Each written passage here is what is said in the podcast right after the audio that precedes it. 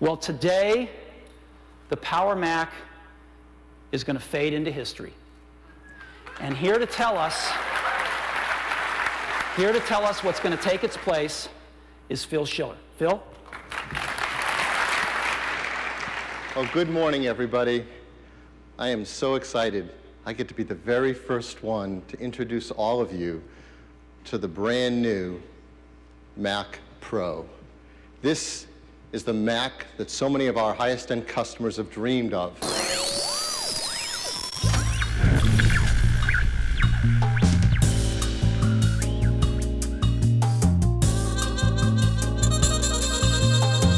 De Zeepkast. Opgenomen dinsdag 18 april 2017.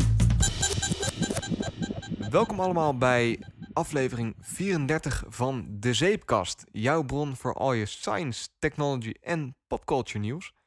Tegenover mij zit David. En tegenover mij zit Sander. Hoe is die David? Ik wist dat je dat ging vragen. Ja, met mij gaat het goed. Hoe Ik- gaat ik- het met jou? Ja, ook. Maar ik wou net, net zeggen, grappig hoe dat dan organisch toch een beetje een soort van catchphrases Een tot stand format, komen. eh, ja, ja, ja, ja. dat je toch terugkeert en dat, dat we toch wezens van, eh, dat we gewoontedieren zijn, zeg maar. Dat je toch automatisch bepaalde terugkerende dingen gaat zoeken. Over terugkerende dingen gesproken. Hashtag. Hashtag. Fact check. Ja. nee, eh, zullen we even, want het gaat goed, David. Je bent eh, blij en gelukkig en eh, content op de plaats waar je bent op dit moment in je leven. Zeg maar het ja. kan altijd beter. Het kan altijd beter. ja. Hard verwijnig, Ja, nooit zagrijnig. En jij dan? ja, idem. Idem dito, hè? Ja. ja. Dus, eh, Het gebeurt er weinig in een week, man, met ons. Nee, het is een beetje, eh, maar dat, daar hadden we het van tevoren ook al over, dat dit een wat lastigere aflevering is, omdat we geen van beiden heel erg eh, op internet hebben gezeten afgelopen Ja, week. je hebt zo van die weken dat, dat je gewoon druk bent. En dan eh, ben je wat minder aan het uitstellen, procrastinaten. Hoe, hoe het bij ons werkt, ehm, de research voor de zeepkast, dat komt een beetje organisch tot stand uit interesse. Dus we Hmm. hebben geen eh, speciale research dingen of zo. Of, we hadden in het verleden wel van die bordjes waar we dan links op zetten en die gingen we alle twee doorlezen. Hmm. Tegenwoordig is het eigenlijk meer dat we gewoon Goh, wat, wat voor we leuks ben jij weer tegengekomen deze week. zo inderdaad. En afgelopen eh, vrijdag hebben wij onze laatste aflevering opgenomen. De Ja. Fermi Paradox. Dus dat is op zich vrij recent. Het is nu dinsdag. ja. Ehm, ik vond het wel heel leuk om te doen. Ik heb hem even teruggeluisterd. Ik ben er ook echt wel tevreden Ja ik, heb, over. hem- ja, ik heb hem natuurlijk flink geëdit. Eh, Ja. ik, vond hem, ik vond hem echt heel leuk. Ja, Ja, hè? dat is, eh, ik vond het echt grappig. Ja. Ik, eh, ik was aan het proberen om de knipjes te spotten. Maar dat, dat viel niet mee hoor. Dat kan jij goed. Nou, daar ben ik blij om. Ja.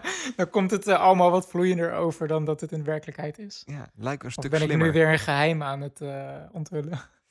Nee, dus, nee het, wordt helemaal niet geëdit, toch, man? Ze zijn gewoon zo slim. En het klinkt zo... Er zit nooit een of iets in. Ja.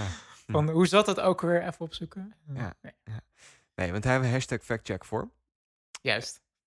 Even eh, resumerend. We hebben geen nieuwe, eh, nieuwe reviews. Dus eh, thanks for Prima. nothing, luisteraars. Hè? Hey. Alles op zijn tijd. Ja. Maakt niet uit. We hadden wel even ehm, op reactie van de vorige aflevering van onze, ik denk een van onze meest dedicated luisteraars, eh Sharik. Dat heeft een tweetje gestuurd. Sharik. Shout-out. Dat hij eh, gelooft in buitenaards leven eh, met een foto daarbij van jou in je eh cyborg kledij voor je... dat klinkt heel Final Fantasy-achtig, LARP-achtig als ik dat zo zeg. Maar jij hebt Zoek de natuurlijk tweet maar eigen- niet op. of je wel. eigen ja. En dan sta je met gekke lenzen en een gekke outfit op, sta je op het podium. Dus hij gelooft in buitenaard leven en jij bent daar het bewijs van. Ja, dat is een argument Ja, het is wel grappig dat jij dan schijnbaar de uitkomst bent van de Fermi Paradox. van de complottheorieën. Ja. Dus eh, bedankt daarvoor, Sharik. En eh, nou, nogmaals, heb je iets te melden, wil je iets kwijt? Je kunt ons altijd bereiken via Twitter of Facebook eh, Of e-mail. Of de postduif. of iets. Ja. Ja. Wij hadden afgelopen, nou niet afgelopen aflevering, want dat was een special, maar de aflevering daarvoor stonden even stil bij het toen vrij nieuwe nieuws dat er Dat nieuws was was. weer echt tien minuten voordat we gingen opnemen, kwam naar buiten. Het vrij nieuwe nieuws dat er nieuws was. De Mac hè? Pro Lives was toen het nieuws. Ja. Ja. He lives. He Ja, lives het, heeft nu, het heeft nu eh, een beetje lekker kunnen bezinken.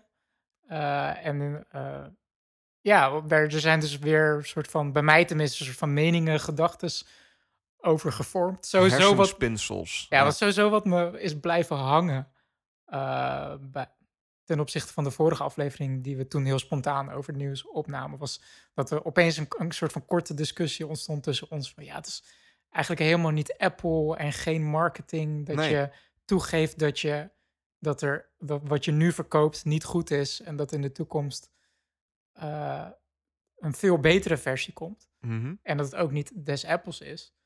Maar ehm, ja, ik, ik was al een soort van van mening, en nu helemaal, van Apple had niet anders gekund. Dat ze gewoon naar buiten kwamen eh, om gewoon even de kaart op tafel te leggen van... Oké, we fucked up. Ja. en eh, Ja. ja. precies, ik deed hem expres. ja. Eh, en dit is waardoor het komt. En jullie moeten ons even tijd gunnen, zeg maar. Ja. Ik heb, je- eh, je hebt er nu ook al wat meer over gelezen. Hoe denk Ja. jij daar nu over? Nou ja, ik denk dat je daar wel gelijk in hebt. Waar ik misschien vorige keer aan voorbij ging. Dus ik was Mm. heel erg van mening van... je doet of-of, niet en-en. Je doet Ja, of een ja, specbump. ja. eh, en je zegt niet dat er iets in de pijplijn zit... of je eh, zegt dat er iets in de pijplijn zit... maar geen, geen, eh, geen specbump. Ja. Wat het overigens niet helemaal was. Het is gewoon een, een price drop meer dan een specbump. ja Dus wat, de- wat, wat vroeger de better eh, of best model is, is nu de good eh, model geworden. Ja. En dat, dat maakt sowieso, vind ik, een wezenlijk verschil. Ja. Eh, ik ben nog steeds een beetje van mening dat ik het wat apart vind. Maar na het, Het na- is zeer ongebruikelijk, absoluut. na, na Ja. wat lezen, ehm, eigenlijk het argument wat ik wel heel sterk vind daarin, is dat je te maken hebt met de pro-markt. Mhm. En dat daar net even iets andere regels gelden. Ja, Eh, ja, dus dat exact, een pro-markt exact. is niet van het iedere dag kijken of er al een eh leak Ja, is of van... in spanning wacht van oeh, hoe zou die eruit zien en welke Nee. nieuwe functies heeft hij? Nee, hij moet gewoon de, de professional die wil, wil gewoon geld- de zekerheid hebben van elk jaar is hij sneller Ja. en gewoon beter in. Dus eh, daar gelden ook een beetje andere regels. Ehm, en dat, dat vind ik wel een sterk argument. En daar kan ik me dan wel in vinden dat ze inderdaad nu niet anders konden dan aangeven van nee, we gaan hem nu even wat goedkoper maken. Omdat we ook wel snappen dat hij niet up-to-date is. Dat hij al zes jaar niet geüpdate is, geloof ik. Nee, wat is het? Vier jaar? Nou, de, de redesign komt uit 2013. Ja. Maar als je. ehm, ja, wat ik ook wel eens v- v- vaak voorbij zie komen, is dat eigenlijk de, de, de echte meest radicale redesign, die komt uit 2009 of zo. Ja. Dus de, het was niet zo dat de, de, de voorgaande versie van de Mac Pro voor de, voor de zwarte ton, dat die super regelmatig werd geüpdate. En dat het pas soort van misging vanaf de zwarte ton. Ja. Daarvoor was het, eh, wa- waren de, de gaten tussen de updates ook al best wel substantieel. Dus Ja. het, het, het probleem zit al veel dieper en langer eigenlijk. En dat, dat heeft Apple nu dus op zich ook ingezien. Dus we hebben alle twee even een Ja. beetje gelezen van eh, hoe is dat. Want het, wat, wat er is gebeurd, misschien dat we daar eerst op terug moeten komen. Mm, Want we hebben het mm. vorige keer alleen gehad over dat er een artikeltje op de Verge stond. Dat zij met BuzzFeed Ja, gepraat hadden het, ja, precies, BuzzFeed. En het, eh, ja, En ehm, dus ik, ik heb, ik weet niet of jij, maar ik heb even de eh, blogpost van, ehm, hoe heet die? Eh, van eh, John Gruber, Darren Gruber Fireball, gelezen. ook gelezen. van. Darren Fireball. En Ja. die was daar dus bij. En Apple Ja. heeft in Samen zijn... met dus vier andere partijen. Dus vorige keer Ja. noemden we specifiek BuzzFeed, maar er zaten ook vier er andere zaten dus partijen. vier, van vier journalisten. Mashable, TechCrunch en Daring Fireball. En nog iemand, ik denk even, de naam is me even ontschoten. Eh, ja, ik vind, blijf BuzzFeed een ap- aparte keuze vinden. Ja. Maar het is dan ook fijn om te zien dat er dus ook andere partijen bij zaten. Die, die waren dus in de, ja, dat noemen ze de Tech Lab van, eh, van Apple. Ja, waar de, de Mac eigenlijk Waar, voornamelijk waar de ontwikkeld, hardware eh, eh, ja. ontwikkeld wordt. Eh, zijn ze met z'n allen even rond de tafel gaan zitten. Ja. En eh, Nou, ik, het gesprek aangegaan. Ja, Ja, om uit te leggen van, eh, nou ja, het is jullie waarschijnlijk niet ontgaan, maar de Mac Pro die staat al best wel lang op de plank en er gebeurt maar niks mee. Eh, en we willen jullie nu gaan vertellen hoe we de toekomst van de Mac en voornamelijk de Mac Pro zien. En eh, Mike Panzerino van TechCrunch, die heeft ook een hele transcriptie van het eh, gesprek op de web, dus die website TechCrunch uitgeschreven. geplaatst. ja. En dat is echt wel een hele interessante, heel interessant om te lezen, omdat je dan gewoon echt de bewoordingen ziet van een Phil Schiller, een Greg Federici. Ja. en, ik, ik heb een stuk gelezen. Ik heb het niet helemaal gelezen, want dat was heel lang. Ja. Wat mij er wel heel erg in opviel, is hoe erg die. Dus dit zou dan een gesprek zijn dat redelijk buiten de normale kanalen omgaat. Dus het is Mhm. geen heel erg gescript event. Nee. En toch wel. Ja, het, het blijft marketing. En, dat, en dat, is, dat is het grappige. Het, is, het zit hun...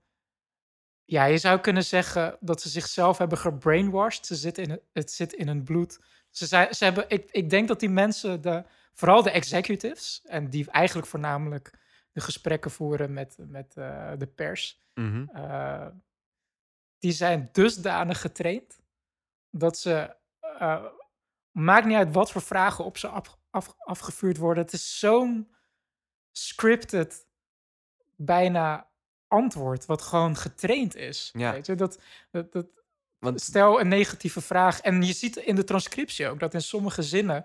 dat, dat vooral bijvoorbeeld een Craig Federighi, die, die over de software gaat. dat hij dan echt zichzelf net wil verspreken. om, te, om echt 100% toe te geven dat iets fout is. En dan weet hij zichzelf net te vangen. en de zin om te bouwen in een positief daglicht. Ja. En dat, dat is zo grappig. De boodschap was eigenlijk eh, dat ze toegeven dat het niet het beste product was, de Mac Pro.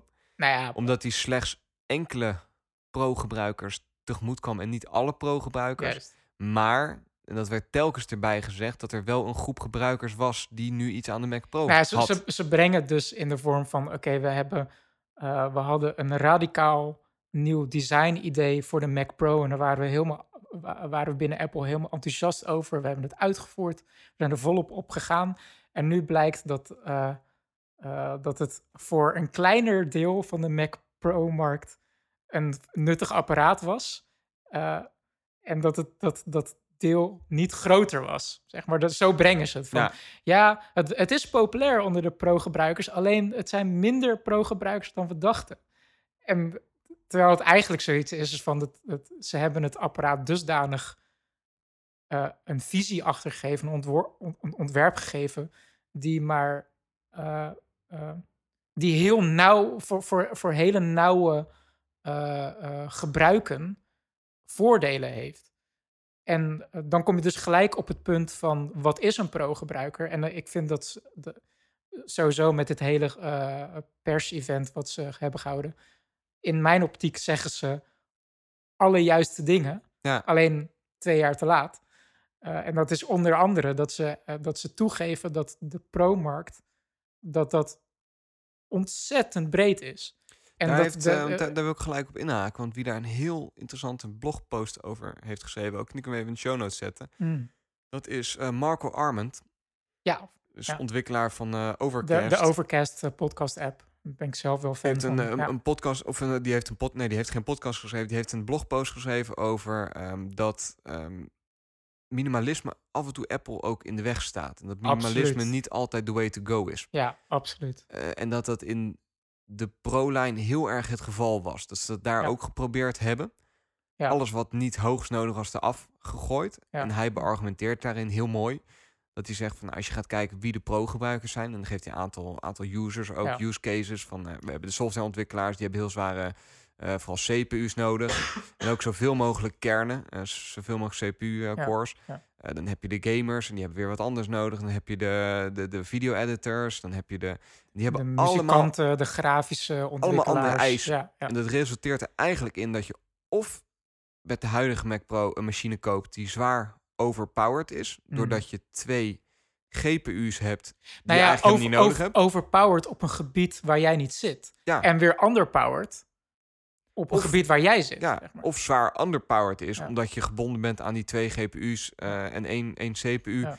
die niet te warm mag worden, zeg maar. Ja. Dat, dat, is, dat, dat beschrijven ze eh, in het int- interview eh, als zijnde dat ze zichzelf in een thermal hoek hebben, hebben geduwd. Dus dat ze zichzelf eigenlijk zichzelf in het nauw hebben Ja. geduwd door voor een ontwerp te kiezen waarin drie componenten altijd in een soort verhouding met elkaar moeten Ja. liggen qua hitteverspreiding. En dat is dus één, s- één CPU-boord eigenlijk en twee GPU-kaarten. En een, eh, Eh. een, een driehoek eigenlijk. eh, Illuminati confirmed. ja. ja, precies. Hm. Ehm, en dat is dan gelijk. ehm, aan de ene kant geeft dat dus die, inderdaad die minimalisme aan van Apple. Van ze willen een elegante oplossing met niet te veel eh, eh, bewegende delen. Ehm, Plank maar, volledig ja, misgeslagen. maar ze hebben ook een, een, een strategisch gezien hebben ze een keuze gemaakt. Ze, heb, ze hebben ergens op gegokt wat nu niet blijkt te werken. Ze hebben erop Ja. gegokt dat de, de industrie eh, en dan voornamelijk de, de, de grafische industrie en de, en de wetenschapsindustrie, ehm, waarin veel berekeningen door grafische kaarten worden uitgevoerd, dat, dat, dat die software eh, zijn berekeningen zou Ja. gaan verdelen over meerdere grafische kaarten. Ja. En wat nu blijkt. eh, en ze, ik, ik kan me zo voorstellen dat Apple zichzelf dan weer als de, de, de, vo- de v- vooruitlopend ziet. eh, Van we maken een telefoon waar geen eh, eh, koptelefoon eh, uitgang op zit. Over drie jaar zijn helemaal geen telefoons meer met koptelefoon uitgang. Kan ik me voorstellen dat Apple dacht, wij maken nu een computer met meerdere grafische kaarten. Eh, dan volgt de industrie, dat wordt de standaard. Maar de industrie is een compleet andere kant op gegaan. Eén GPU die loeiheet wordt. Ja. En, maar die gewoon eh, eh, door de calculaties heen vreet, zeg maar. En dat past niet in dat ontwerp. Want dan heb je dus één kant die veel te heet wordt. Eh, en daar, dus in die zin hebben ze zichzelf door een strategische gok In de voet geschoten, ja. ja. ja, precies. Dus dat komt er aan de ene kant bij kijken. En het feit dat, dat eh, überhaupt de pro-markt zo divers is. Ik, wat, wat mij op zich... En dan gaan we misschien al eh, te ver en slaan we een aantal stappen over. Maar wat mij heel erg opvalt hierin... is dat ik voorheen Apple altijd best wel... of nee, of dat terecht is, dat is ook Hmm. een... eh, nou goed, dat weet ik niet. Nou, maar best wel maar. een... ehm, hoe, ja, hoe zeg je dat goed? Een flexibel bedrijf vond. En dat, ik, dat me steeds meer opvalt dat het een onwijs log apparaat is, Apple. Ja, Er ja. moet ieder jaar een nieuwe iPhone komen. eh, Ja. Maar voor de rest, er is geen ruimte tot snelle aanpassingen van producten. Of zo. Ik, ik, ik snap niet zo goed als je dan dat product in de markt hebt gezet. Hm. Dan hebben ze waarschijnlijk daar een team van eh, een paar honderd man op staan. Dus ze Ja. zeggen van, joh, dit is jullie kindje, de, de Mac Pro. Ja. En dat het dan, eh, wat is het, vier jaar moet duren... voordat ze schoorvoetend gaan toegeven van... dit was inderdaad niet het juiste ontwerp... en we zijn bezig met iets anders. Ik denk dat dat, wat jij nu beschrijft, vooral te maken heeft met dat Apple een van de weinige en misschien wel de enige bedrijf op dit moment Het is. enige... het ja. enige bedrijf op dit moment is die gezien hun grootte en ook hun, hun Mhm. financiële grootte eigenlijk, zich gedragen als een start-up. Ja en nee. Ik zie Kijk, die je- kwaliteiten misschien wat meer bij Google dan bij Apple op dit moment. Ja, maar dat komt dus ook omdat dat, eh, Google heeft, heeft gewoon heel veel mensen die verantwoordelijk zijn over kleine delen binnen, binnen het bedrijf. Maar Eh, je- ik- je kan het als over bijvoorbeeld zo'n eh, eh, nu de issue met de Mac Pro. Mhm. Wie binnen Apple is echt nou echt de eindverantwoordelijke over dit probleem? Je hebt een, een, een, een manager die gaat over alle software. Je hebt een manager die gaat over alle hardware.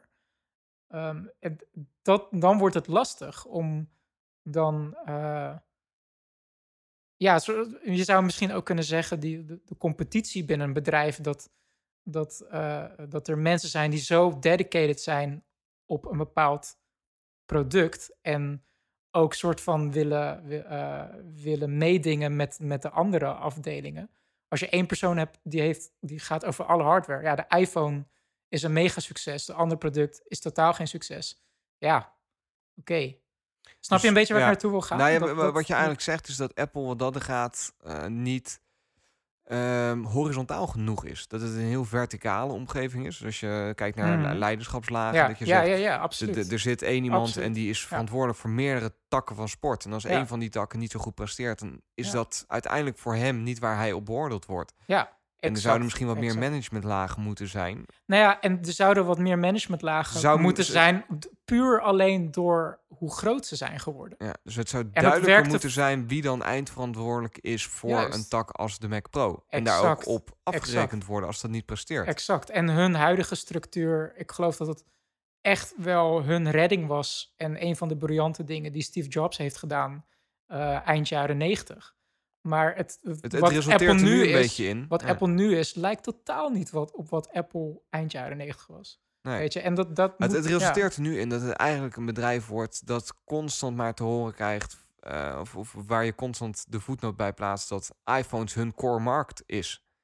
Ja, Maar dan ga je er heel erg aan voorbij. Ja, dat is leuk. En daar verdienen ze inderdaad godsgruwelijk veel geld Ja. mee. Maar, als je kijkt naar de Mac Pro-markt, nog steeds met de Mac Pro, dan zijn ze groter dan... N- niet alleen, zijn, alleen de Mac Pro, maar de Mac eh, eh, tak überhaupt. Ik bedoel, zij erkennen zelf ook dat de Mac... ehm, Nee, maar waar oh, ik heen wil is, als je, als je kijkt naar bijvoorbeeld de Mac Pro. En dan hebben ze het zelf, gaan ze dat... In heel veel artikelen die je dan leest, wordt eerst wordt uitgelegd van... Ja, Apple heeft de, de iPhones en die zijn goed voor zoveel miljard van hun omzet. Dan heb je de Mac, dat is, ik geloof, 30 miljard omzet.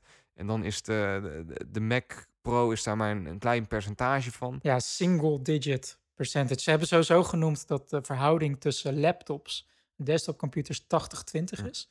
Nou, je kan al raden, 80% laptops, Ja. 20%. Maar dan heb je het nog steeds over een miljardenmarkt. Ja. Dan ben je nog steeds met die ene tak van sport groter dan 99,9999% van alle bedrijven ter wereld. Met alleen je Mac Pro-lijn. Als je dat als bedrijf aan zich zou zien, hè? Mm, ja, misschien is er dan nu ook weer te veel opgeblazen. Nee, maar om het- het even te ja, maar het chargeren. het- Ik, ik Het maak het graag wat je- groter om het Stel duidelijk dat, te dat, maken. jij, ja. dat, jij, dat jij als eh, eh, ondernemer een bedrijf hebt als alleen de Mac Pro, dan ben je denk ik al gelukkig. Dus ik, ik vind dat geen excuus. ja. Van nee, Ja. dit is een dusdanig grote business. Dat moet je serieus nemen. En er wordt ja, serieus geld mee verdiend. Ja, en daarmee bedoel ik dan ook dat hun s- eh, überhaupt, Dus ik al- ben en dat is altijd- misschien heel macro, dat ze dusdanig zijn gestructureerd Ja. dat, dat, dat dat niet uitgelicht wordt. Want wie is verantwoordelijk? Dus ik ben er altijd een beetje allergisch voor als, als, als in artikelen eh, dat argument wordt aangevoerd om te verdedigen dat er zo lang niks gebeurt met andere. Ja, maar het is niet om te verdedigen. Het is juist Ja, het wordt wel om, altijd eh, aange- aangehaald. En ik van nee, Ja, maar ik heeft er denk- niks ik- mee te ik- maken. Ja, maar ik zie dat juist als... eh, dat, Meer dat- verwijt dan. ja, absoluut, absoluut. Van dat ze eigenlijk ook moeten opgroeien in de zin van, van oké, jullie zijn nu zo'n gigantische multinational geworden. Gedraag je er daar dan ook naar, weet je? Time to grow up, Apple. Ja. Ja, ja, precies. Maar dat, dat werd opeens heel erg macro over Apple überhaupt. Ehm, kijk, wel, ik zei al eerder van eh, Apple zegt nu alle dingen waar ik heel erg gelukkig van word. Van we Ik nemen ook, want het we nemen nu de toe Pro- heel negatief, Ja, hè, maar ja. het, het is juist iets heel positiefs Ja, wat er nu gebeurt. We, we, we, we erkennen dat, de, dat, we, dat we nu producten maken die lang niet alle pro-gebruikers eh, aanspreekt. En dat komt omdat de pro-gebruiker veel diverser is dan eh, eh, een product die in binnen hele nauwe marges werkt. Dus ze willen sowieso dat de, nieuwe Mac Pro, die ze helemaal opnieuw gaan ontwerpen, dat dat een modulair systeem wordt. Ik, ik interpreteer dat als een product die Apple dan makkelijk en regelmatig kan updaten. En niet zozeer dat wij er Ja. heel erg eh, in zouden kunnen gaan vervangen, hoe graag ik dat ook zou willen. Ehm, ja, Ehm, ja, weet ik niet. Modulair, dat. als ik het zo lees. Maar interprete- modulair interpreteert wel heel erg. Ik denk niet dat ze voor de term modulair hadden gekozen als je niet zelf dingen kunt swappen. In Ja, misschien apparaat. dat je wel het een en ander kan Dat- dat- vervangen als je harde schijf of dat SSD en zo, maar SSD's niet... hot swappable zijn en dat soort dingen. Dat je, ik vraag me inderdaad af of je nieuwe grafische kaart en dergelijke in kunt zetten. Maar je zult Ja. wel iets kunnen bijprikken in dat systeem, denk ik. Ik mag het hopen. Ik mag het Ja, hopen. ja. Ehm, het, het, het lastige, het wat, en dan komt weer op het punt van dat je het gevoel hebt dat het zo log is. Het heeft zo lang geduurd. En ik, ik krijg een beetje ook het idee dat ze. Hoe lang hebben ze wel niet geprobeerd om het huidige ontwerp werkend te krijgen? Totdat ze op het punt komen dat ze tegen zichzelf zeggen: van oké, dit werkt niet. We moeten echt terug naar de tekentafel. Ja. En wat, wat nu ook eh, binnen de journalist nu ook een beetje naar boven begint te borrelen, dat iedereen ook een beetje het idee kreeg dat de echt de, de, de final nail in the coffin, zeg maar, de, het, het- de laatste druppel was de receptie op de MacBook Pro eh, eind vorig jaar. Apple zegt zelf wel van ja, het is de best ontvangen eh, MacBook Pro eh, eh, ooit.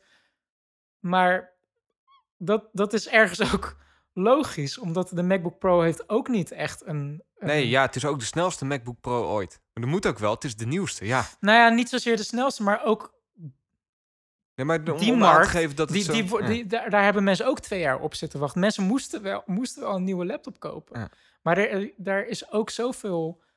Ook die, die, diezelfde eh, visie op het minimaliseren... eh, he- eh, daar, dat is ook niet goed ontvangen. En ik merk dat Apple dat nu, daar nu ook naar aan het luisteren is. Dat, dat is iets, ga ik niet helemaal herhalen, heb ik vaak genoeg gezegd. Die visie van, van kleiner, dunner. ja, dat, dat is goed om zo'n product in de markt te hebben. Maar Het moet je- niet je enige product zijn. Dat niet moet niet de enige filosofie en, zijn. eh, Dat ja. moet niet de enige filosofie zijn. En ze, Apple er, gaat nu ook terug naar wat Steve Jobs ooit geïnt- eh, geïntroduceerd heeft. Is zijn die kwadranten. hè, Van, je hebt de pro-markt en je hebt de consumentenmarkt en je Ja. hebt de portable en de, de, eh, de desktopmarkt. En dat zijn dan vier, vier eh, eh, eh, gebieden die ze willen opv- opvullen. En dat ze dat dan weer naar boven halen. Ja, dat, dat vind ik goed om te horen. Ja. Wat ik, eh, want we hebben nu telkens over, over de nieuwe Mac Pro. En dat geloof ik wel, dat dat er komt. En dat ze dat ook Nou ja, dat, dat komt, dat zeggen ze. Nee, maar het enige wat ze zeggen is not this year. Dus Nee, het zou maar- ook 2019 kunnen zijn. Ik geloof wel dat dat product goed in elkaar gaat zitten. Dat vind ik op Ja, zich wel fijn dat ze het ja. gezegd hebben. Ja. Maar het product zelf vind ik niet het meest spannende product. Hm. Wat ik wel, wat, mij meer aansprak, en dat is volgens mij wat onderbelicht, is dat beeldscherm. Ook, Apple Dat die een vind nieuw ik- beeldscherm gaat uitbrengen. ja, ja. In een markt die volgens mij, tenminste Apple heeft op de beeldschermmarkt zich altijd wel een beetje geroerd met de Thunderbolt displays en de ja, cinema displays. Maar ja, het was nooit echt, ehm, vond ik, ehm, een, een heel bijzonder ding. nou, ik, ik ben een, een, een tijdje zelf Thunderbolt display gebruiker geweest. En dat vond ik echt typisch Apple. Met, Ja? eh, ja, zeker. Dat was zo'n uniek apparaat. Dat je met één Thunderbolt kabel eh, in één keer een, een hele hub Ja, daar heb je eh, misschien wel gelijk. aansluit. En dat, Apple was de enige die dat deed. Ja. En in principe doet de LG-display, die dat nu met Thunderbolt 3, eh, de USB-C type C eh, connector, doet dat ook. Maar Ja, ik, ik ja, vraag me zo af hoe Apple in een dusdanig concurrerende markt als beeldschermen, wat gaat het unieke, of de USP van zo'n scherm zijn? Dat vind ik veel interessanter om over na te denken. Want het is een heel volwassen markt. ja, Samsung die verkoopt, eh, hoorde ik later geloof, per seconde verkopen ze 100 of 200 beeldschermen. als ik heel eerlijk ben, sowieso de unique selling point, het ontwerp van het display alleen al. nou ja, dat er een zoiets moet Ja, dat, worden. is, dat is misschien dan heel stom, maar er zit een Apple-logo op. Dat staat gewoon veel beter dan zo'n LG of Samsung of Dell display. Iets, iets anders zou ik En momenteel dus ook niet kunnen bedenken. En natuurlijk, ik bedoel, de lancering van de. eh, toen eh, e- eind vorig jaar Apple de MacBook Pro aankondigde, inclusief eigenlijk de, de 5K eh, LG eh, Mhm. display. Ehm, met meteen de aankondiging: wij gaan geen displays meer maken, maar we hebben samengewerkt met LG. En dit, dit, dit is de display die wij nu eh, a- eh, aanbevelen. Ehm, die lancering ging, ging ook niet van een leien dakje. Ik bedoel, alleen al het feit dat, dat er blijkbaar iets in het ontwerp niet goed zat. Bij, heb je dat meegekregen? In Ja. het display, dat Ja, wanneer je dichtbij een wifi-router houdt, dat het display eh, artifacts gaat vertonen. En dat Ja. al die displays terug moesten, om, omdat er een, een metalen shielding ingebouwd moest worden om die, tegen die radiostralen, stralingen, eh, om dat tegen te gaan. Ja, dat is bizar. En ik kan me ook voorstellen dat Apple heeft van, ja, weet je, je kunt het beter ook maar gewoon zelf doen ook weer. Ja, nee, maar Dus- da- dat vind ik dus veel spannender. Hm. Omdat ik daar oprecht niet weet van, oké, wat gaat er dan komen? Ja. Dan Mac Pro, ja, ik verwacht gewoon dat het weer een soort van torenachtige constructie wordt. Met daarin heel veel hardware die gewoon bijtijds is. Ja. Eigenlijk een beetje het Mac Pro idee. En ik sta er misschien wel in zoals heel de zakelijke markt erin staat. Ook niet heel uitreikend naar nieuwe hardware. Maar het moet wel gewoon goed zijn wat eraan Ja. komt.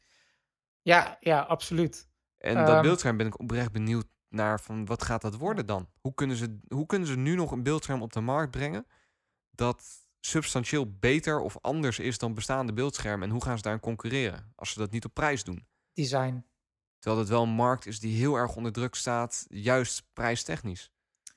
Ja, maar in, in die zin denk ik ook wel dat de, de gemiddelde Apple-consument daar ook weer een uitzondering op is. Dat zij meer uitgeven voor design. Ja. Daar, daar geloof ik wel in. Ja.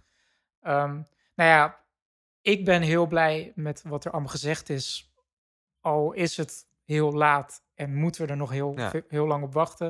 Ik ben ook heel nieuwsgierig naar, naar de, eh, de geruchten van een iMac Pro. Ik heb ergens het gevoel dat Apple dat ook soort van ook heeft toegegeven dat, ze, dat Apple ook de Pro-gebruiker nog meer wil bedienen via de iMac-platform. Ja. Ben ik ook heel nieuwsgierig naar. Misschien dat dat mijn eh, Is, is, volgende is op computer zich wordt. weer inderdaad een, eh, een, een gesprek aan zich. Ja. Maar ik geloof daar wel in. Dat Ja, ja, inderdaad ja. steeds meer pro-gebruikers ehm, prima uit de voeten kunnen met een iMac.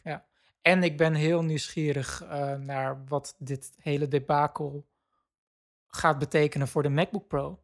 Of de volgende MacBook Pro. Of we daar ook een soort van shift in gaan zien in prioriteiten. Ja, Want als je een hele dunne, lichte, stille Ma- Mac laptop wil kopen, dan is die er. De MacBook 12 inch, de MacBook eh, eh, 13 inch, die eigenlijk eh, met de MacBook Air concurreert.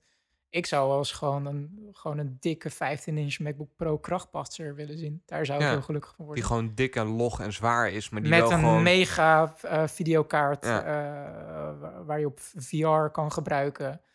Eh, dat zou ik heel interessant vinden. Ja. En dan komen we misschien even gelijk een bruggetje naar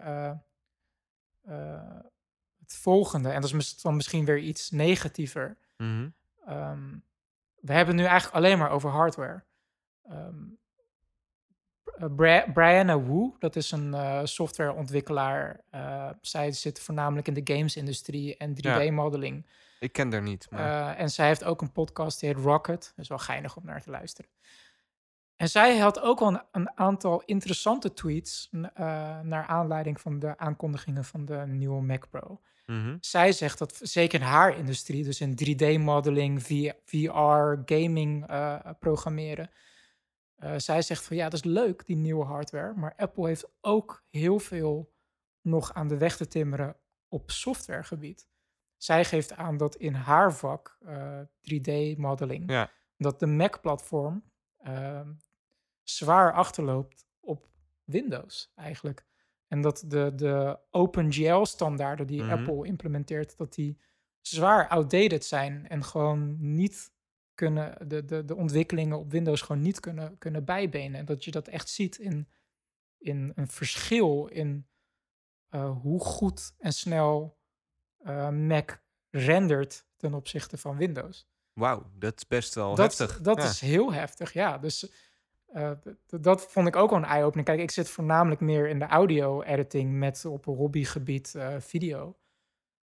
Maar ja, ik kan, me dat, ik, ik kan dat wel begrijpen, inderdaad. Dat het, de hardware is niet het volledige plaatje. Ik bedoel, Nee, zeker niet. En dat is een Ja. van, de, van de argumenten die Apple ook altijd aanhaalt in bijvoorbeeld hun iPhones. En dat Ja. ze minder eh, RAM hebben. En dan wordt het al inderdaad van ja, maar hardware is niet alles. We hebben iOS helemaal geoptimaliseerd exact, op, exact. op de hardware, waardoor het... Dus ik ben heel benieuwd ook in de toekomst eh, hoe die industrie op de nieuwe hardware gaat eh, reageren. Ehm, zeker omdat VR eh, en dat soort 3D-ontwikkelingen in de toekomst alleen maar belangrijker gaan worden. Dat Ja. gaan we steeds meer zien. Dus ik ben ook heel benieuwd of Apple dat ook op tijd gaat opvangen. Dus dat, eh, ik zal die tweets ook wel in de show notes zetten. in de show eh, notes zetten. ja, Ja, maar dat was ook eh, wel interessant om te lezen, want zij legde dat best wel.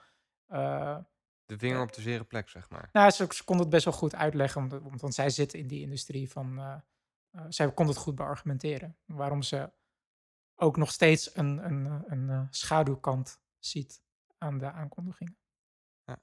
Ja, we kunnen niet meer dan het in de gaten houden. Maar ik vond het wel even leuk om het eh, weer even over te hebben. Ja, zeker, zeker. Iets heel anders. David, jij bent weer begonnen met eh, self-educating. Nou, nou ja. Dus ik- dat is een Engelse term, excuus. Zelfleren, zelfleerzaamheid, hoe zou je dat noemen? Nou ja, dat. dat Zelfeducatie. eh, ja, ja. Ja, Ja. ben- ja dat, dat, dat, dat is niet dat jij- ik daar weer mee ben begonnen of zo. Dat doe je altijd wel een soort van uit interesse. Maar ik, ik weet even nog niet zo goed. eh, Nee, nou ja, laten we er gewoon inspringen. Want waar wij het graag over zouden willen hebben is eh, het, het huidige educatiesysteem. Systeem. Eh, met insteek daarin. Is dat nog aan par met de huidige technologische ontwikkelingen? Of hoe, hoe zie jij dat voor? Jij bent nu bezig met. ehm, Nou ja, nou, misschien moet ik weer- niet zeggen educatiesysteem, want dat zo- zit, zit misschien wel goed. Nou maar meer. Hoe leren mensen tegenwoordig als zij niet op school zitten met alle mogelijkheden? Nou, er zijn gewoon biedt? zoveel interessante ontwikkelingen al heel lang gaande. Maar ik had, eh, dit is super pril eigenlijk. Ik had, afgelopen week had ik weer zoiets van, goh, laat ik weer eens een keer in programmeren duiken. Want dat heb ik Ja. in het verleden, lang geleden, heb ik wel eens een paar pogingen gedaan. Ik wou en zo. zeggen, eens in de En dan zoveel tijd je- hoor ik dat is bij jou. Ja, en dan, dan leer je weer even een syntax en dan, dan schrijf je weer een leuk programmaatje die, eh, die je boodschappenlijstje bijhoudt. En dan houdt het weer op en dan laat je het liggen en dan vergeet, vergeet Ja. je alles weer. Dus ik had weer zo'n moment van, eh, laat ik het maar weer eens een keer doen. Maar ja, het, het valt me wel op, man, dat er nu echt steeds leukere platforms eh, en interessantere platforms naar boven komen. Ik ben zelf, eh, ja, ik dacht weer van welk, welk, eh, welke programmeertaal ga ik nu weer eens een keer pro- proberen. Nou, ik heb het deze keer gegooid op Python. ja, Dat leek me wel, wat ik erover heb gelezen van, een goede nou, dat lijkt me een goede voor mij inderdaad, omdat hij als ontwerpdoel heeft om zo leesbaar mogelijk te zijn. En ik moet zeggen, ik vind het wel een, een ja, het- ik, ik, ik kan het best wel. Ik, ik, laat ik het zo zeggen, ik ben wel, wel, het- ik ja. ben wel blij met de keuze, want het, het, het is een, he- een hele fijne taal eigenlijk. Ik weet niet hoe ik het anders moet zeggen. Ja. Ehm, en dat doe ik via IDX. hoe heet dat? Nee, nee, nee, nee. Dat doe ik via Udemy. Daar heb ik gewoon een cursus gekocht. Oh ja, you- Eh, Udemy, dat is eigenlijk een... Ja, wat kan je, je zeggen? Het zijn gewoon mensen die kunnen hun eigen cursus ontwerpen... en die plaatsen dat erop. ik, ik vind wel met eh, Udemy vind ik ehm, kwaliteit heel erg schommelen. ja, ik heb ja, een cursussen daar ja. gekocht die echt nou, nog, nog geen euro waard zijn, zeg maar. Ja, maar dat kan ik me helemaal voorstellen. Omdat iedereen in principe gewoon zelf zijn cursus kan. Het is eigenlijk gewoon een dis- distrib- distributieplatform. Net Ja. als YouTube. Ik kan ook gewoon een YouTube-kanaal openen met... eh, ik ga nu een tutorial-serie starten over synthesizers, ik noem maar wat. Eh, dat zou ik ook op Udemy kunnen doen. Maar ik ga dan volledig uit op de star ratings en ik lees wat reviews. eh, En eh, eh, ik, ik bekijk even wat, wat proefvideo's. Als ik vind van, nou ja, de kwaliteit is wel oké, dan koop ik het. En dat ben ik nu aan het volgen en dat is wel leuk. Maar daar wou ik niet... Dat, wat ik afgelopen... Daar ben ik al een tijdje mee bezig. Ja, ik- ik, ik- zou zeggen een, een maandje of zo. Afgelopen week kwam ik ook, omdat ik daar parallel ging, ook via YouTube, ging ik ook even kijken van wat is er nog meer en zo. Ja. Toen kwam ik op CS50. En eh, CS50, dat is een eh, cursus van eh, Harvard. Ja, En dat is een, een computer science cursus. En die hadden dus ook een, een, een soort hoorcollege over Python. Dus die ja. ging kijken. CS staat dan voor Computer Science. Ja, ja, ja, ja. En ik, ik vond het best wel een, een hele leuke hoorcollege eigenlijk. Dus ik van, oh, ik ga even verder kijken wat het is. En dat is dus een, een twaalfwekelijkse... eh twaalf, nee, dat zeg ik verkeerd. Dat is een cursus die duurt twaalf weken. Ja. En over het hele basisprincipe van programmeertalen en wat computers überhaupt van binnen doen wanneer je een programma schrijft Ja. en laat lopen. Dus een soort van benodigde achtergrond of benodigd eh, een stukje achtergrondinformatie, zodat je alles waarom iets werkt beter in zoals het context werkt. kunt plaatsen. Ja, ja, ja, ja. ja, ja, precies. En die hele cursus, die Harvard-cursus, die kan je dus gewoon gratis volgen. Ja, bizar is dat. hè? Via een website dat heet EDX, EDX. Dan kan je allerlei universitaire cursussen tot aan opleidingen volgen. Sommige gratis, sommige betaald. In dit geval is CS50 is gratis. En als je een certificaat wil halen, dan moet je daar vaak voor betalen. En dat kan echt 2000 dollar zijn of 90 dollar.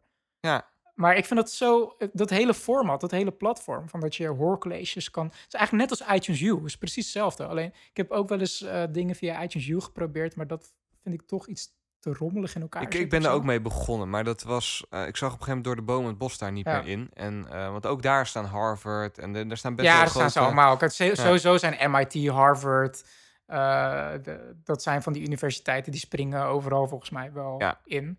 Maar ze doen het wel op een goede manier, op een hoge kwaliteit, vond ik. En eh, Ja, want die cursus Ja. die jij volgt, die is 2017. Hè? Dus het is ja, die wel... wordt elk jaar geüpdate. Die wordt elk jaar opnieuw gedaan en op, opnieuw eh, is die te volgen. En, en stel je zou dit dan gevolgd hebben, is er dan ook een, een, een verder, eh, verder pad dat je kunt volgen? Of, of ga je vervolgens zelf kiezen welke eh, ja, cursus je daarna zou kunnen doen? Of hoe ziet dat er voor de rest uit? Ja, je kan natuurlijk gewoon van alles. Kan je, kan je Want dat is de, reden dat ik dat vraag, want ik vind dat wel mooi. Ehm, dat is in feite het enige dat een opleiding voor jou doet tegenwoordig. Hmm, Bepalen welke vakken dan bij elkaar moeten zitten om Ja. één opleiding te Ja. vormen. ja.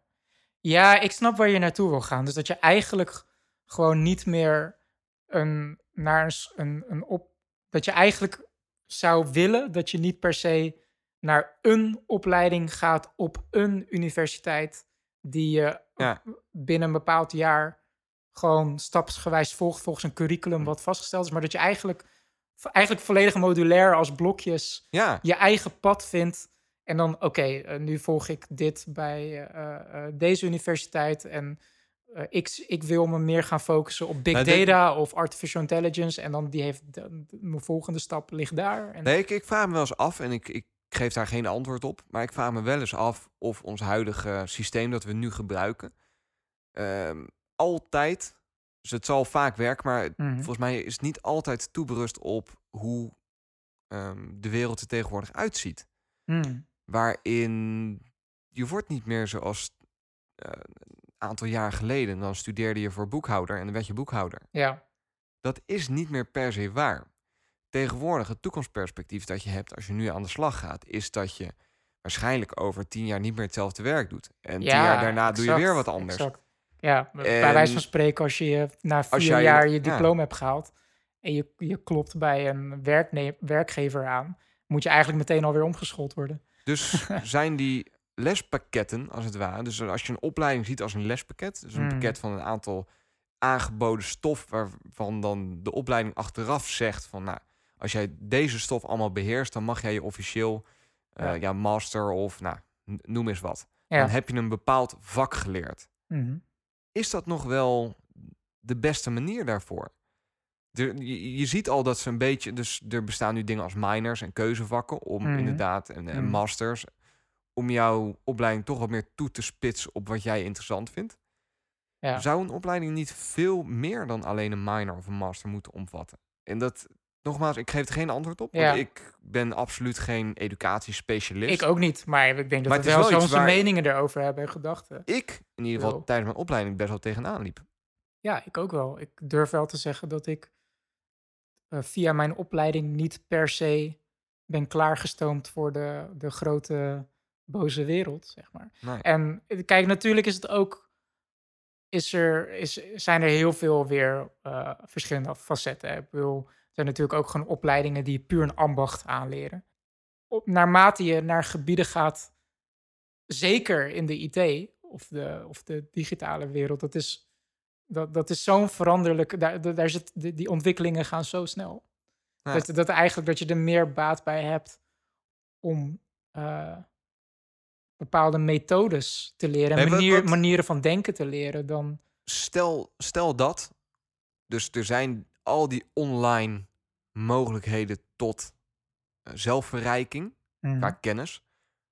Meer dan ooit. Dus jij kunt, Ja. online kun je heel veel kennis opdoen. En uiteindelijk heb je al die kennis opgedaan. Dan is er nu geen manier waarop jij kunt zeggen of kunt laten toetsen dat je inderdaad op hetzelfde niveau zit als iemand die een opleiding heeft gedaan voor, nou, zeg, software engineer. Aha. Ja, je hebt een. En waarom hebt is een- dat zo? Dat als jij bepaalde kennis hebt opgedaan en je zegt na tien jaar ben je daar al mee bezig, gewoon in je vrije tijd en dat vind je super interessant, daar ben je heel veel mee bezig, doet veel kennis op. En je zegt op een gegeven moment, oké, volgens mij zit ik nu op een, een bepaald niveau en ik Ja. wil dat laten toetsen. Ja. Ik ga naar een school en ik zeg van, nou, ik heb dat niveau, kan ik dat bewijzen? En op het moment dat je dat Ah. bewijst, dan krijg je... Maar dan gebruik je op dit moment eigenlijk onderwijsinstituten als soort gatekeepers van, van deze personen die, die achten wij als aan bepaalde standaarden te voldoen en de andere personen niet. Dat is eigenlijk wat je nu zegt. Van dat je eigenlijk, Maar dat is ons eh, eigenlijk, eigenlijk een soort van de stempel wil. En dat is eigenlijk ergens wat je nog steeds met een platform als EDX Nee, ik- ook doet, zeg ik, maar. ik als vind je- het te ver gaan om nu te zeggen... ehm, scholen eh, moeten compleet op de schop en het werkt niet zoals het nu gaat. Mhm. Misschien dat ik, mensen ik heb die daar, daar... te weinig verstand van. zeggen, misschien dat mensen die daar Ja. beter in zijn en meer ingelezen Ja. in zitten dan ik dat wel zeggen. Maar Ja. goed, die, ja, dat kan ik niet beweren. Wat ik wel zie is dat je vooral in de computer science en techniek, dat je heel veel mensen hebt die heel veel kennis hebben, maar niet de juiste papieren.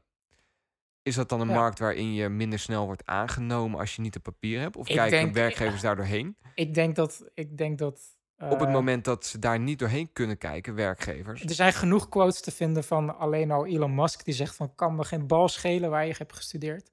Eh, eh, al heb je niet eens middelbare school gedaan. Mhm. Als je slim bent en je kan problemen oplossen, eh, dan, dan, There's a kan je- dan, Tesla. dan, ja. Dan pas je waarschijnlijk in Tesla. Ja. En, maar dat is natuurlijk ook gewoon die, die wereld, die IT-wereld. eh, eh, eh, programmeren is probleemoplossend denken, eigenlijk. in, in de basis, ja, vaak. Ja. ja. Maar dat is ook, ook natuurlijk niet veel anders dan bijvoorbeeld in de wetenschappelijke wereld, daar, waarin je een bepaalde. dat wetenschappelijk denken is ook een bepaalde manier, een tool, een manier van denken. Dat is ook kritisch denken en, en problemen oplossen, eigenlijk. Of, eh, of hypotheses eh, of eh, experimenten. Ja. Ehm, Nee, waar, Dus- waar- dus er zijn een aantal dingen die ik Dus het is eigenlijk heel erg, wat ik probeer te zeggen, is het is natuurlijk heel erg verbonden aan het gebied. Dat, de, de- dat, ehm, Dat ik misschien te veel in mijn belevingswereld van de techniek zit Ja, om... ja. ja snap ja, ik. ja, dat dat, dat dat heel, heel erg, in principe in, in de creatieve wereld is het net zo. Ja, nee, ik als bedoel, je, het is leuk dat je, dat, dat, dat je conservatorium hebt gedaan. Maar als je geen conservatoriumdiploma hebt, maar je kan gewoon supergoed spelen of produceren of wat dan ook, dan kan je ook in die industrie eh, doorbreken. Mhm. En omgekeerd natuurlijk ook. Als je conservatorium hebt gedaan, betekent niet dat je dan in die industrie doorbreekt. Ehm, dus het is En- en zo gebied gebonden. Eh, artsen, ja, daar wil je gewoon van dat die bepaalde kennis hebben. En een bepaald traject hebben Eh, ik mag het ja. hopen dat als ik in het ziekenhuis lig voor eh, weet ik veel wat, dat degene die, die met mij bezig is, dat die weet wat hij aan het doen Ja. is en niet alleen de mindset heeft om Die iets thuis te op doen. IDX heeft gelezen hoe die een, blinde darm moet verwijderen Maar dat, dan zit je denk ik ook meer. ehm, eh, ja, dat is wel. Dat is misschien een beetje een heel erg. Dat je, dat je tandarts daar je tanden aan trekken is, ja, maar dan een zou je meer kunnen zeggen dat dat meer ambachten zijn. Ja. Maar van dingen gewoon stapsgewijs uitvoeren. En dus een ambacht, een ambacht zou ik dan definiëren als iets wat je stapsge, stapsgewijs uitvoert en daar niet van afwijkt. Weet Ja. je? Dus dan zou je dat eigenlijk misschien in die twee groepen kunnen gooien. Dat, dat je dus Iets dat hebt. maar op één manier kan en niet anders. En je moet het Ja. hele traject beheersen Ja, om dat goed te kunnen. Ja, en eigenlijk in mijn ervaring een kunstopleiding, het enige wat ze je kunnen leren is je eigenlijk eh, ehm, eh, blootstellen aan heel veel manieren van denken. Dat, dat, dat is eigenlijk wat het is. Waar, waar, waar ik Ehm. meer, en het wordt nu heel vaag misschien allemaal, maar waar ik gewoon naar op zoek was. En Dit, het, is, het gesprek is echt een hele kant op gegaan, wat ik niet had nee, maar, en dat, dat ben ik ook oprecht van mening, dat ik wel denk dat er dingen anders zouden kunnen in het onderwijssysteem dat we nu hebben. Ehm, maar dat klinkt dan weer heel negatief, terwijl ik juist heel positief erin sta, dat ik het Mhm. zo tof vind dat je tegenwoordig zoveel online, je, je kunt vanuit je stoel, kun jij nu een cursus van Harvard, kun je gratis volgen. Ja, bizar hè? Echt bizar. Dat die kan ik helemaal gratis volgen aan het einde van het traject. Oké, als je op je LinkedIn een soort certificaat wil van Harvard, dan moet je even zoveel betalen. dat- ja. Maar de kennis heb je al opgedaan. Zeg Ja. maar. Eigenlijk zou je dat dan moeten kunnen declareren of zo. En dat je zegt van, nou, het is goed voor de Nederlandse samenleving als ik dat kan, dus ik wil dat. eh, ja. ja. maar goed, Nou ja, dus dat ik zou ik gewoon heel vet vinden. Ja. Nou, ik heb, ik heb, mijn, vet, ik heb mijn eerste game al geprogrammeerd. Dus, Wil je hem in de show notes zetten? ja, is goed. ja hij, is, hij is openlijk. Het is, het is een web-based game. Die kan iedereen spelen. Dus die ga ik in de show notes zetten. Die heb je binnen een dag gemaakt, hè? Ja, joh, jemig. Dat was echt. eh, ik, ik was echt. eh, er ging even een autisme-schakelaar bij me om. Gewoon. Dus, eh, ehm, de eerste les, de eerste hoorcollege, ging Ja. over de fundamenten van programmeren. En ehm, als eindopdracht, eigenlijk als huiswerk, kreeg je dus de opdracht om een game te programmeren in Scratch. En Scratch, en als je interesse hebt... Ja, dat is wel eh, dus hetzelfde woord, zo, zo spel je hem. Ja. Ehm, als je interesse hebt in programmeren, dan zou ik echt wel adviseren om die website Scratch. Het is heel te grappig bekijken. waar ik gelijk aan moest denken. En daar hebben we het, nou, weet ik wel, honderd afleveringen geleden of zo ooit eens over gehad. Dat je toen voor kindjes had je een soort eh, kennismaking met programmeren voor Ja, het is- het is basisschoolleerlingen. ook bij Hour of Waar- Code wordt het ook ja, gebruikt. waar, waar Ja, je ja, een, ja. pri- prinsesje kon laten Ja. rondlopen met heel simpele blokjes code. Dat is precies dit. En het zou Scratch niks... is dat, ja, Nou eigenlijk... ja, misschien is het ook wel Scratch. Scratch is een, een eh, visueel gebaseerd eh, manier van programmeren, ontwikkeld door MIT. Eh, de, de Scratch-platform kan je, kan je eh, downloaden of gebruiken via je browser, via MIT's website. En het is eigenlijk gewoon Lego met code. Dus je hebt gewoon Lego-blokjes voor variabelen, voor objecten, voor effecten, voor loops. En het gaat best wel diep. Je kan echt wel eh, met die Lego-blokjes. ben je eigenlijk gewoon al met de funda- fundamenten van eh, programmeertaal ben je aan het spelen. Ehm, en het is echt wel. Ik vond het heel verslavend om, om mee te werken, omdat je dus eigenlijk ehm, niet veel syntax hoeft te leren. Je moet gewoon de basisprincipes weten van eh, hoe je een codescript start, hoe je iets loopt, eh, hoe je een teller laat lopen. En dan kan je gelijk heel snel inderdaad een procesje laten lopen of een, eh, een muis laten achtervolgen door een kat die jouw muis dan weer volgt. Ja. Ehm, ik, ik begon een game te maken en vervolgens was het drie uur s'nachts en dan was ik vergeten te eten. Dus dat is zo verslavend was Eh, het. maar dat, en dat maar dat, ja, dat is, Eh, dat is echt wel daar- Scratch. Ja. Eh, want wat ik zo, ik heb jouw spelletje net even gespeeld. zeg, 15 jaar geleden had je dit gewoon kunnen verkopen als zijnde game. Dan had je hier geld ja, mee kunnen ja, verdienen. Als ik een tijdmachine had, dan eh, ja. Nee, maar zo. Dagje eh, en dat heb je nu in een dag geleerd hoe je dat moet doen. En zo stel is die kennisboog tegenwoordig. Ja, ja, absoluut. absoluut. Zeker Zeg weten. niet dat wat jij nu kunt, dat dat dezelfde skill level is als hoe zij dat toen maakten. nee. Maar uiteindelijk heb je wel hetzelfde eindproduct. Nee, je, je, je staat volledig op de schouder- schouders van MIT. En wat het, het knappe wat MIT heeft gedaan, is ze hebben de fundamenten van alle programmeertalen, hebben ze weten te destilleren tot iets visueels. Ja. Wat je heen en weer kan slepen en op elkaar kan stapelen. En dat is volledig, dat is heel slim gedaan. Dat is echt heel slim gedaan. Ja. Super tof. Maar, eh, en sowieso check ook de website EDX. eh, Coursera is er ook eentje. Die is, die is ook wel prijzig wel. Maar ja, het, het is... Het, het, het gaf, geeft wel aan of zo dat, dat die ontwikkelingen wat zo ver lijkt. En Ja, wat, dat wat het zo in handbereik ligt ook. ik, ik, want ik ben daar ook al Het enige wat je nodig hebt is tijd. Want er gaat wel veel Ja. tijd in zitten. Wat ik wel zou willen weten is of wij luisteraars hebben die nog leuke eh, cursussen of iets aanraden. Twitter ze dan even naar ons of tweet ze even naar ons. Kunnen ze desnoods retweeten. Dat vind ik wel even leuk om dat eh, ja, ja, zeker. even een beetje te, te delen. En eh, tweet jouw game die je in Scratch hebt geprogrammeerd. Vet. ik denk dat we hem daarop moeten afsluiten. Ja, zeker. Dus tweet je game. Dat is de eindboodschap. Ja. Lieve luisteraars. Ja, het is wel een heel abrupt einde zo, maar ik ga hem gewoon Nee, nee, nee, nee. afsluiten. Ja, Ja, maar prima, ja. Lieve luisteraars, bedankt voor het luisteren wederom. David, jij bedankt dat je... eh, Dat ik er ben. Jij Dat ook je er bedankt, weer bent. Sander, dat jij er ook weer bent. ik vond het een, eh, een mooie aflevering. ja, ik ook. Tot volgende week. Tot volgende week. Wil je nog wat kwijt? Eh, Wauw, ik maak het. Wil je wat kwijt? Gooi het even op Twitter, gooi het op Facebook, gooi het op eh, e-mail. Wil je, eh, wil je iets helpen bij ons? Deel onze afleveringen om Met nieuwe mensen te vrienden bereiken. Of laat een review achter. Ehm, ja, dat is hem eigenlijk. Lieve luisteraars, live long and prosper. Ciao. Hm.